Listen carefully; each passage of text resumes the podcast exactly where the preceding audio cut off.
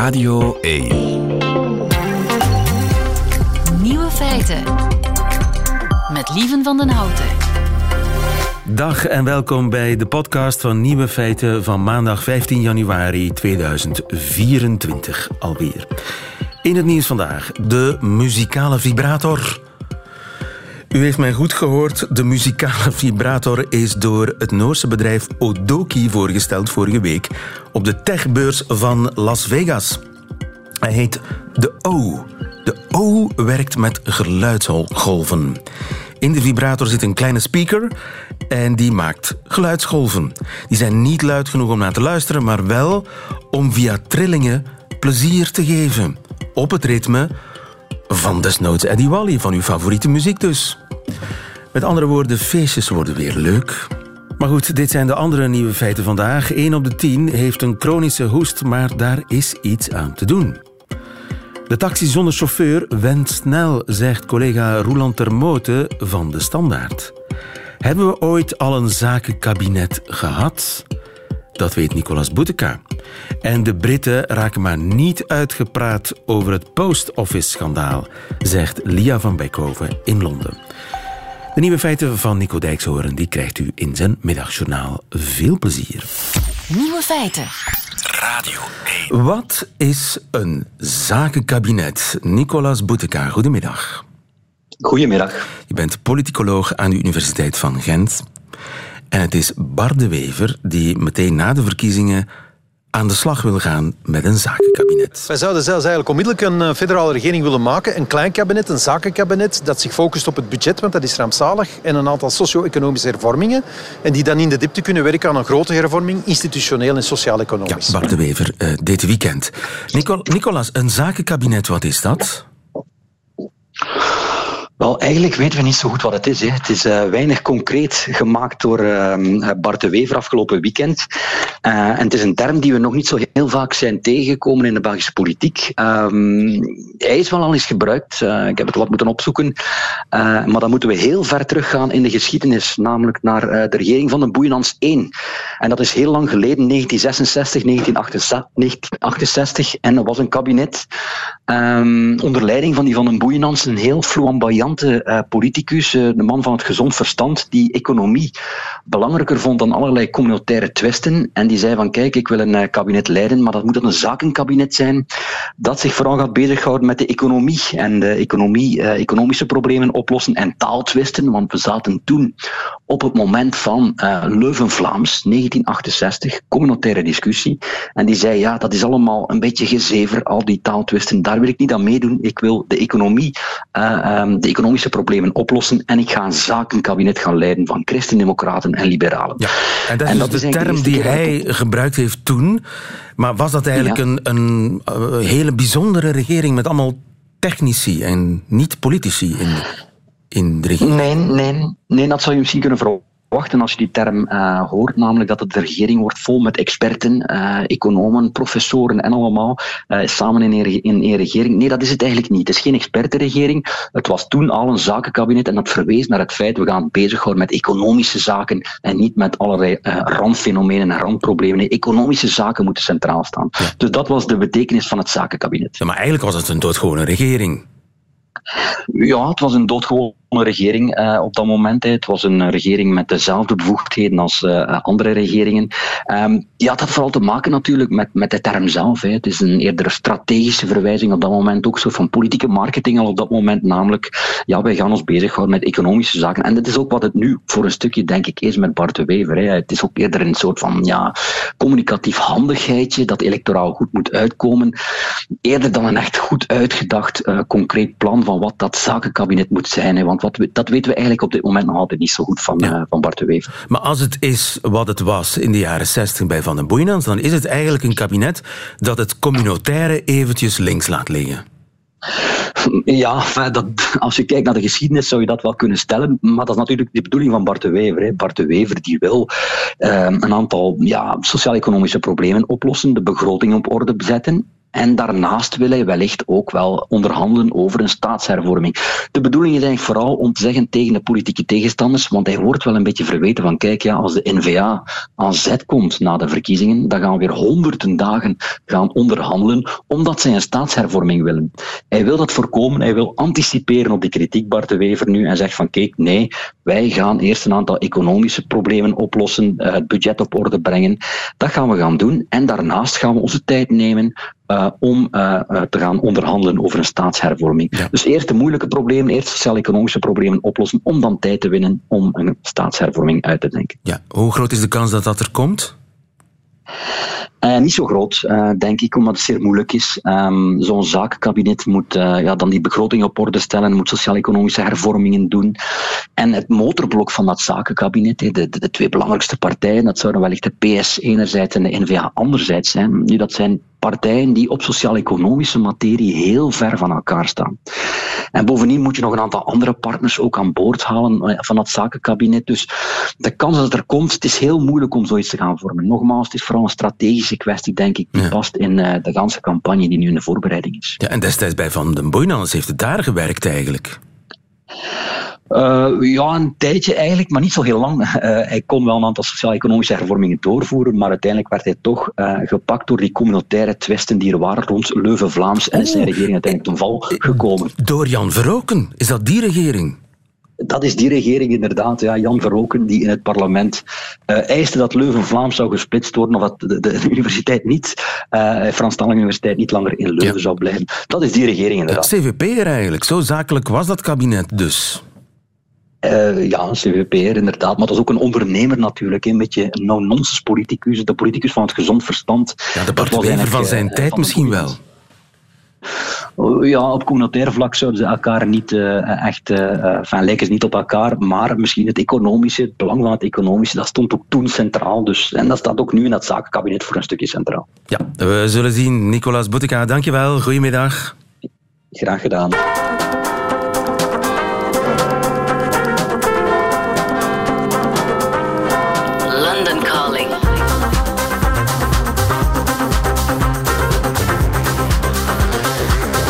Lia van Beckhoven. Het is 15 januari vandaag en waar zijn de Britten mee bezig? Dat weet Lia van Beckhoven. Goedemiddag, Lia. Goedemiddag, lieve. Nou, vorige week werd op de Britse tv een serie uitgezonden over het zogeheten Post Office Scandal. Een heel oud en heel onderbelicht schandaal. En sindsdien wordt er praktisch nergens anders meer over gepraat in dit land. Ook Graham Norton trouwens had het erover in zijn radioprogramma. This show uh, about this post office drama. Yes. I was saying just before, it's a huge scandal that somehow didn't get the attention it seemed to deserve. Ja, Graham Norton in zijn uh, radioprogramma over het post-office scandal dat eigenlijk volgens hem nooit de aandacht heeft gekregen die het verdiende. Waar gaat dit onderbelichte schandaal dan over, Lia? Nou, bijna 25 jaar geleden voerde het uh, landelijke postkantoor een nieuw computerprogramma in bij, bij duizenden filiaalhouders. Hè, dus eigenaren van hele kleine postkantoortjes in de Britse provincie. Sindsdien zijn duizenden van die mensen, van die filiaalhouders, beschuldigd van fraude en van diefstal. Zij zeggen dat ze na de installatie van uh, die software hun rekeningen niet meer kloppend konden maken. Maar ze zijn beschuldigd van, van fraude, van oplichting en ze zijn daarvoor berecht en veroordeeld. Honderden hebben gevangen gezeten de afgelopen jaren. Ze zijn failliet gegaan, ze hebben alles verloren. Tenminste vier pleegden zelfmoord. Totdat het Hoge Rechtshof een paar jaar geleden bevestigde, hè, in een zaak die 550 van die duizenden filiaalhouders hadden aangespannen, dat ze onschuldig waren. En dat het inderdaad allemaal aan dat IT-systeem lag. Jeetje. Maar dat zou, je, dat zou je zeggen, ja.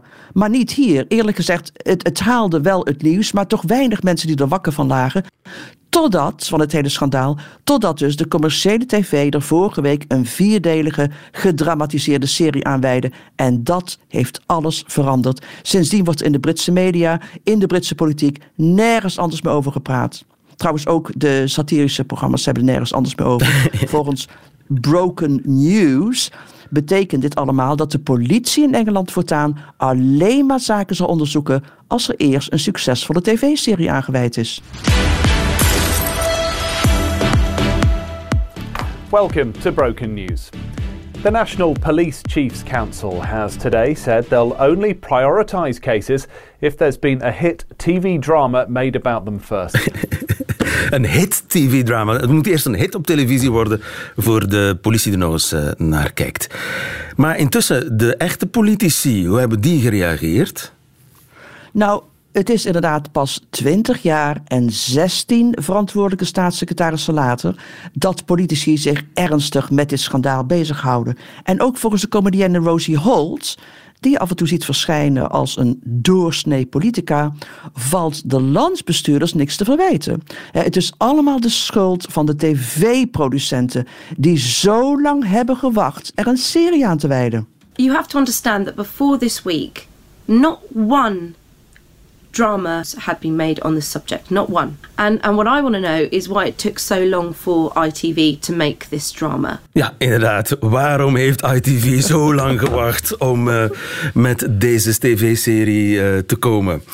Tja, dus de Britten verwachten te veel van hun regering.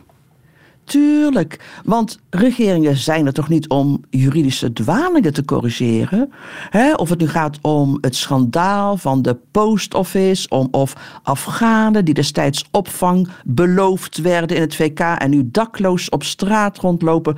De regering, zegt dus deze comedienne eh, Annex Politica, kan niet meer doen dan tv-series bekijken. There's been many miscarriages of justice. I, I was on Twitter this morning and someone was tweeting about ex-commandos in, in Afghan, Afghanistan and um, how they've been abandoned by the British government. And, and what I say to them is, you know, the government can't do anything, can't do everything, can't do everything. Um, but we can watch dramas, you know, and we will watch dramas.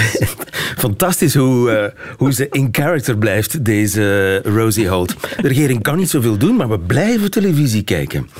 Maar intussen is er een oplossing voor de slachtoffers in zicht. Die mensen die ter onrechte zijn veroordeeld. Ja, en weet je waarom?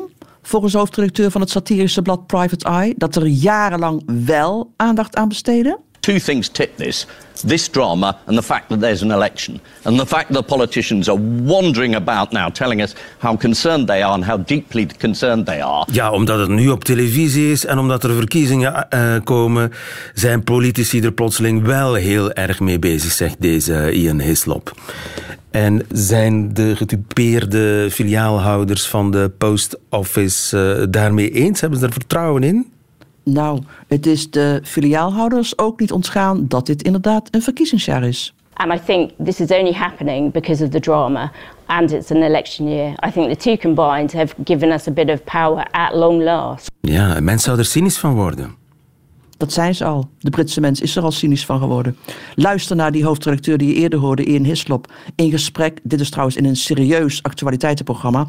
met een minister die nu probeert de handen in onschuld te wassen.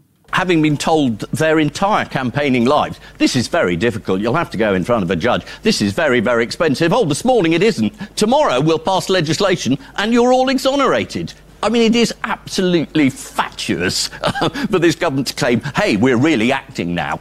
Did nothing. Did oh, nothing sorry, the whole sorry, time. no, sorry. That No, you're is- not That sorry, is and it's demonstrably true. sorry. Ja, dus jarenlang horen die filiaalhouders alleen maar hoe moeilijk het is om hun eh, naam te zuiveren, dat ze via de rechtbank moeten, dat de regering niks kan doen. En sinds die tv-serie is plotseling alles mogelijk. De regering gaat de wet aanpassen, maar de regering heeft helemaal niets gedaan, zei deze Ian. Wat antwoordde de minister daarop?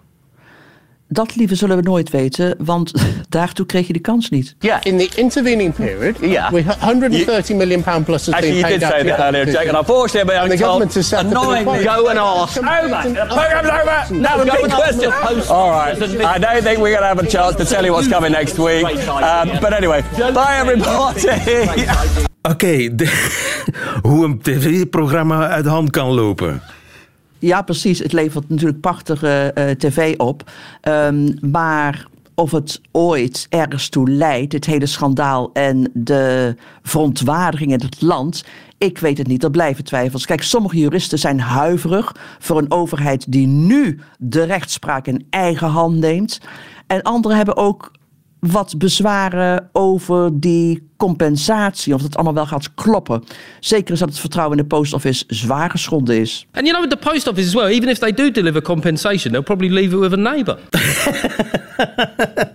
Inderdaad, zelfs al komt er compensatie, dan zal de post uh, die waarschijnlijk leveren bij de buren. Lia van Beckhoven in Londen voor ons, dankjewel en tot de volgende. Tot de volgende keer. Radio 1. Nieuwe feiten. Hoesten, dat is iets wat je kunt afleren.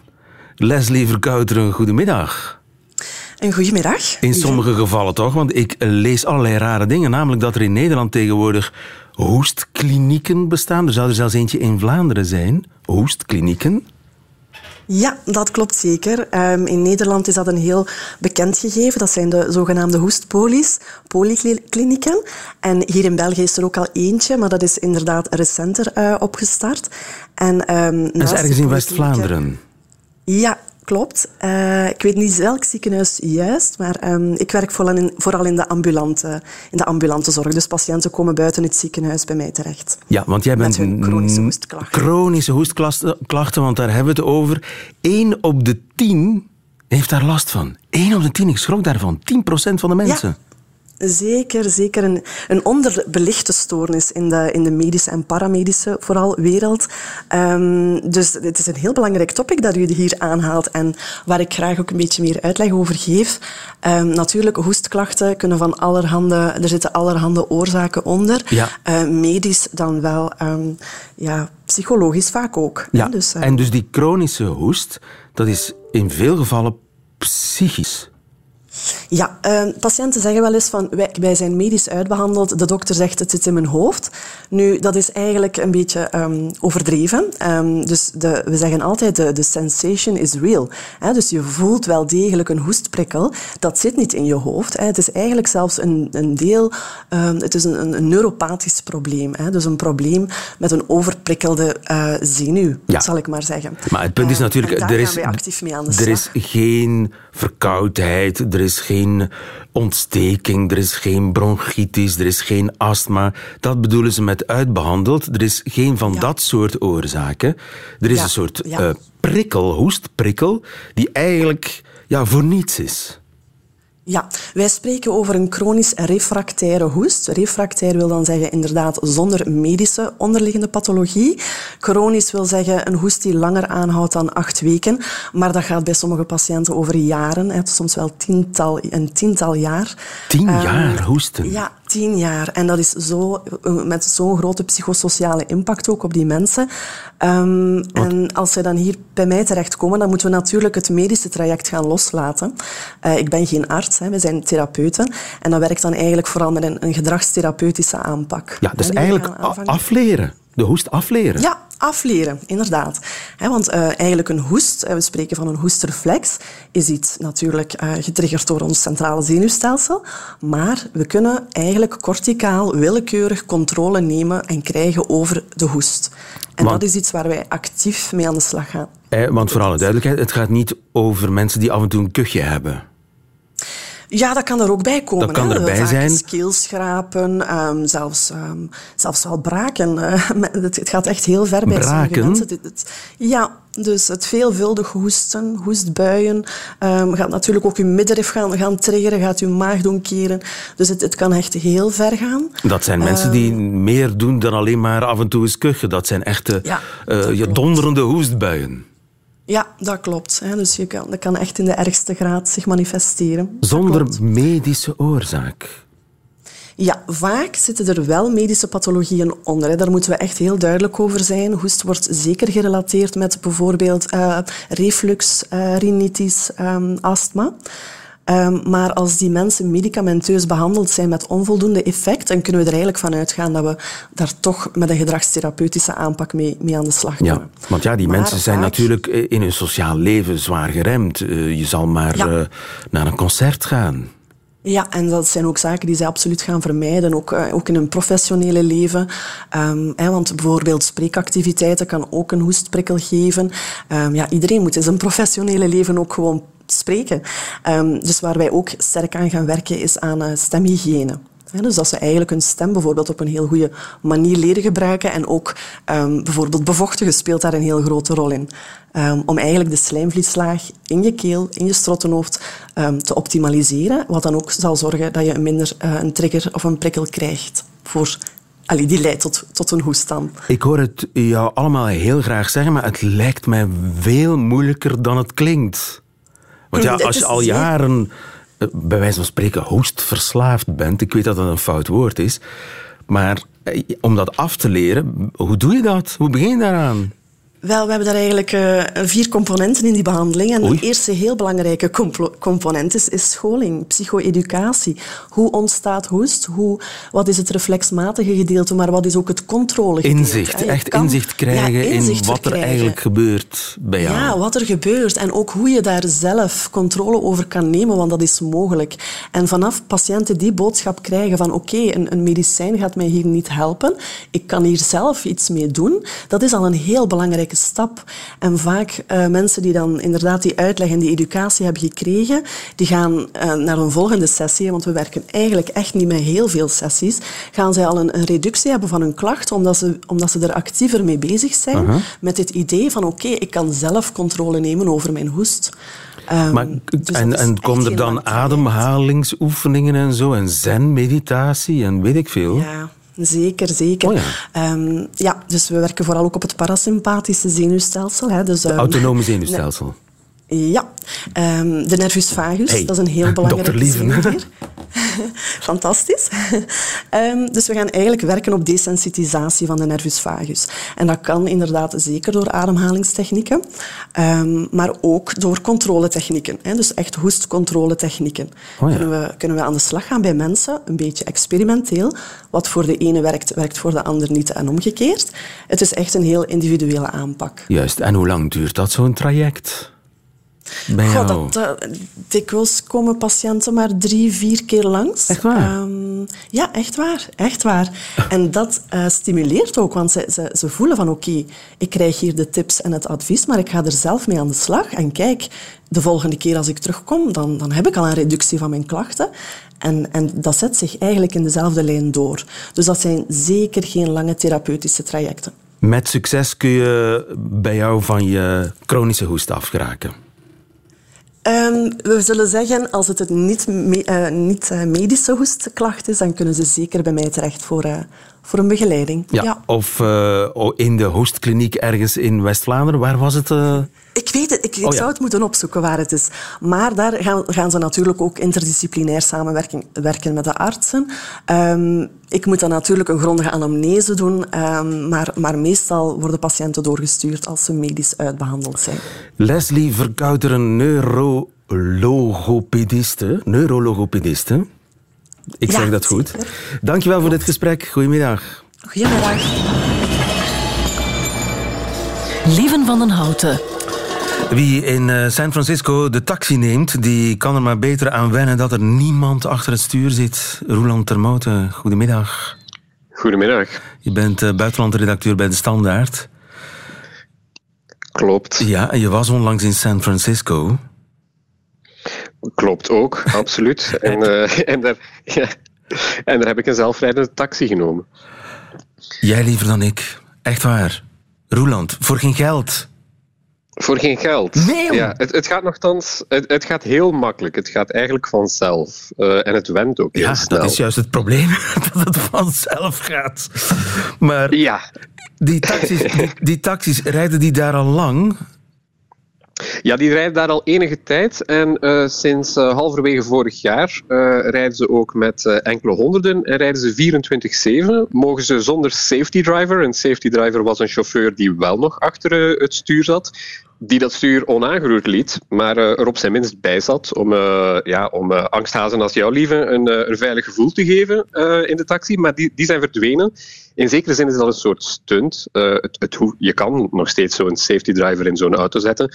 Waarom zou je het niet doen? Wel, oké, dan hoef je die niet te betalen. En er is ook iets, eh, ja, die bedrijven, in dit geval Waymo, dat is een dochter van Google, die vindt het eh, ongetwijfeld ook wel leuk om gewoon auto's te tonen zonder chauffeur, eh, die door een geest bezield lijken. Dat, dat is deel van de aantrekkingskracht.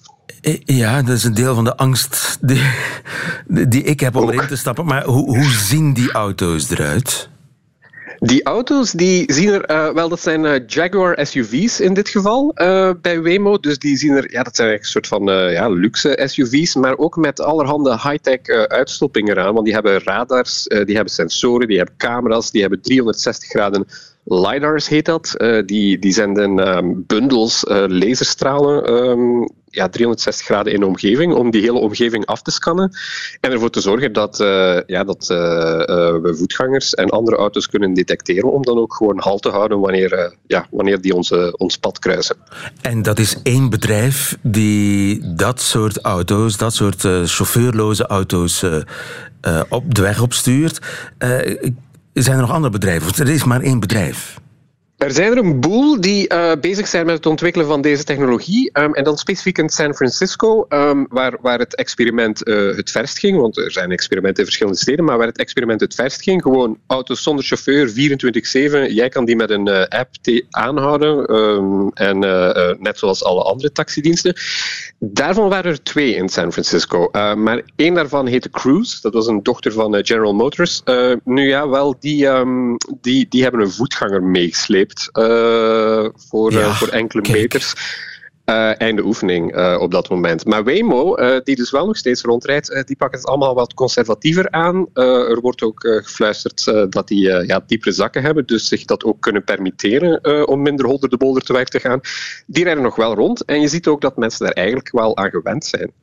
andere, andere chauffeurs die anticiperen niet meer op zo'n op zo'n zelfrijdende robotaxi, alsof het een soort van ja, alien is. Absoluut, een alien waar je een schutkring rond moet leggen en zo ver mogelijk uh, van weg blijven, want je weet niet hoe die reageert. Nee, in tegendeel, ze proberen zich daar ook gewoon voor te wurmen. Uh, dat zag ik ook op de achterbank. Um, en uh, en dan reageert die taxi eigenlijk vrij adequaat. Je gaat op de achterbank. Ik zou de neiging onderdrukken om achter het stuur te gaan zitten, maar je gaat echt op de achterbank zitten. Ja, je gaat op de achterbank zitten. Uh, op het stuur staat ook een sticker die zegt uh, afblijven van dit stuur. Uh, ik, ik, weet niet hoeveel mensen dat wel proberen om het stuur te nemen, maar um, ja, dat stuur dat, dat draait rond. Eigenlijk hoeft dat stuur er dan natuurlijk ook niet meer te zijn. Dus ook in, in die ja. zin is dat misschien een beetje een gimmick.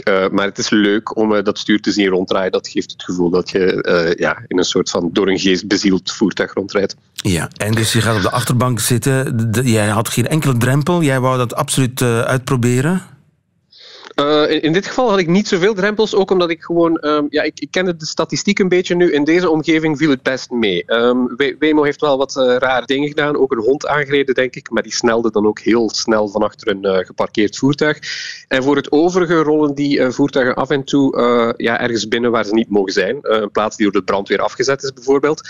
Maar in deze omgeving, tot nu toe, zijn er relatief weinig ongevallen geweest en reageren ze vrij voorspelbaar. En om eerlijk te zijn, ze rijden um, ja, uh, gladder en vloeiender dan veel menselijke chauffeurs die ik ken.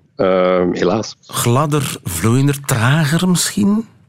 Zeker trager. Ze, blijven zich al, ze houden zich altijd aan de snelheidslimiet. Uh, ze worden ook nooit dronken of stoned. Uh, dat is ook weer wat. Uh, en, en wat dat betreft zijn ze heel voorspelbaar. dankzij het feit dat er ook ja, al die bedrijven die, die surfen mee op de AI-revolutie. Um, in principe zit er op de kennis van, van die systemen ook geen drempel, zoals dat bij mensen misschien wel het geval is. Ja. geen, geen, geen limiet. Maar ja, een onverwachte situatie opvangen. Iemand die van rechts komt uh, opgedoken of, of die zijn voorrang niet verleent. Of een gevaarlijke situatie, kan die dan echt reageren adequaat?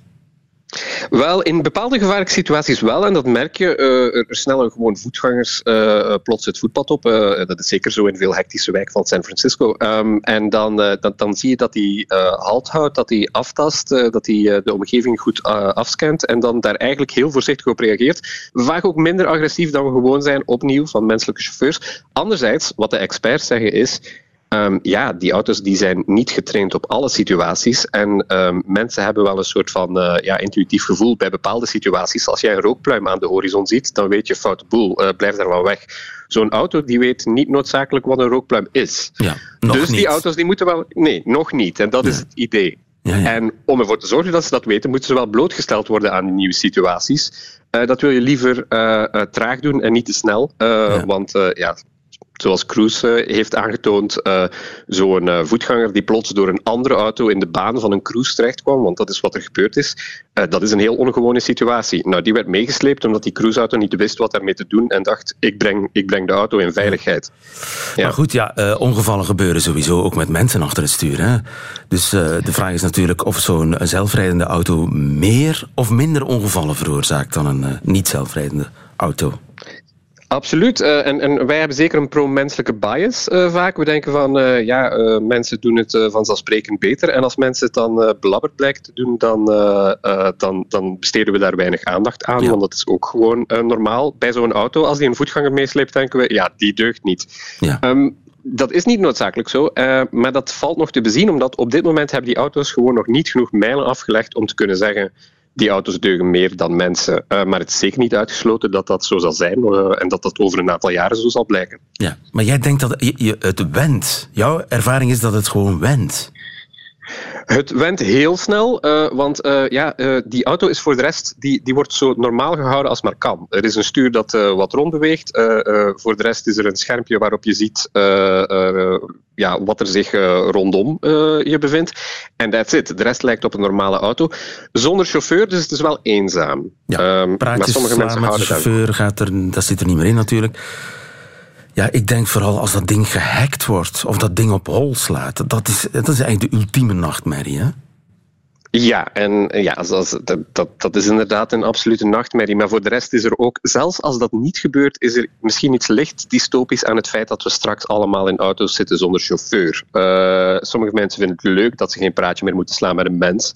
Maar wat je ook hebt, is dat in een stad als San Francisco wonen heel veel uh, techneuten uh, die, ervan, uh, ja, die, die, die de hele stad nogal messy vinden met zijn daklozen enzovoort. Dit kan ook een manier zijn om je volledig af te sluiten van de rest van de wereld. in de driverless taxi naar het werk en voor de rest alleen nog in je eigen digitale bubbel. Dus dat is misschien ook iets ja, wat, wat, wat minder aangenaam is. Ja, wat vragen oproept. De zelfrijdende taxi, het is een feit, hij rijdt rond. En uh, onze collega bij uh, de Standaard, Roeland Termote, heeft hem genomen. Dankjewel, Roeland, voor je verslag daarvan. En uh, hou ons op de hoogte van je andere avonturen in al dan niet zelfrijdende auto's. Dat zal ik doen. Radio 1. En dat waren ze weer, de nieuwe feiten van vandaag, 15 januari 2024. Alleen nog die van Nico Dijkshoorn, die krijgt u nu in zijn middagjournaal. Nieuwe feiten. Middagjournaal.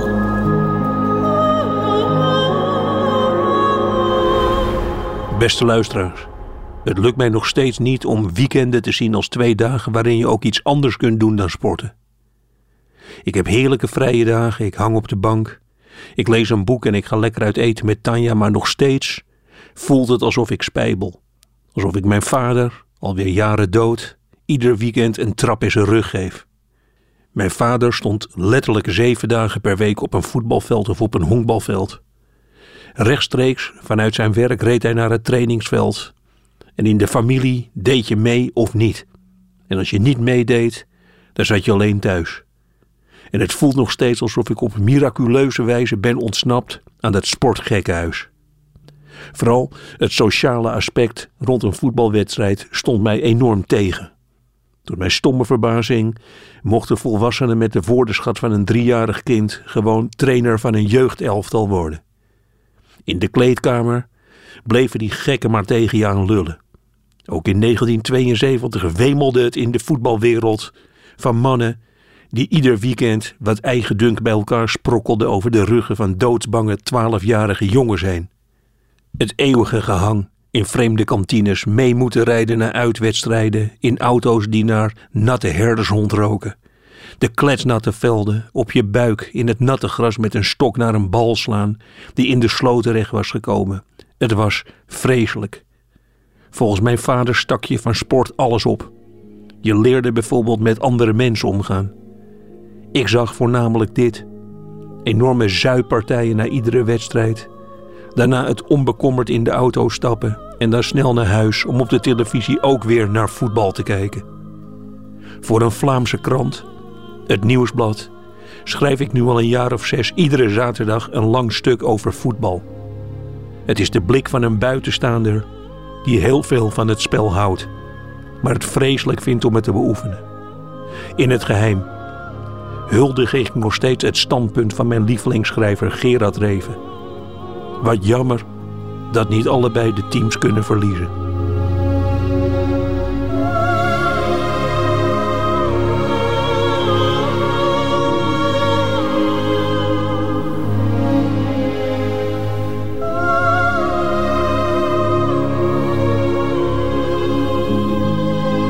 Nico Dijkshoorn over voetbal. Geen dag te vroeg. Einde van deze podcast. Hoort u liever de volledige nieuwe feiten met de muziek erbij? Dat kan natuurlijk elke werkdag live tussen 12 en 1 op Radio 1 of uitgesteld via de app van VRT Max. Tot een volgende keer.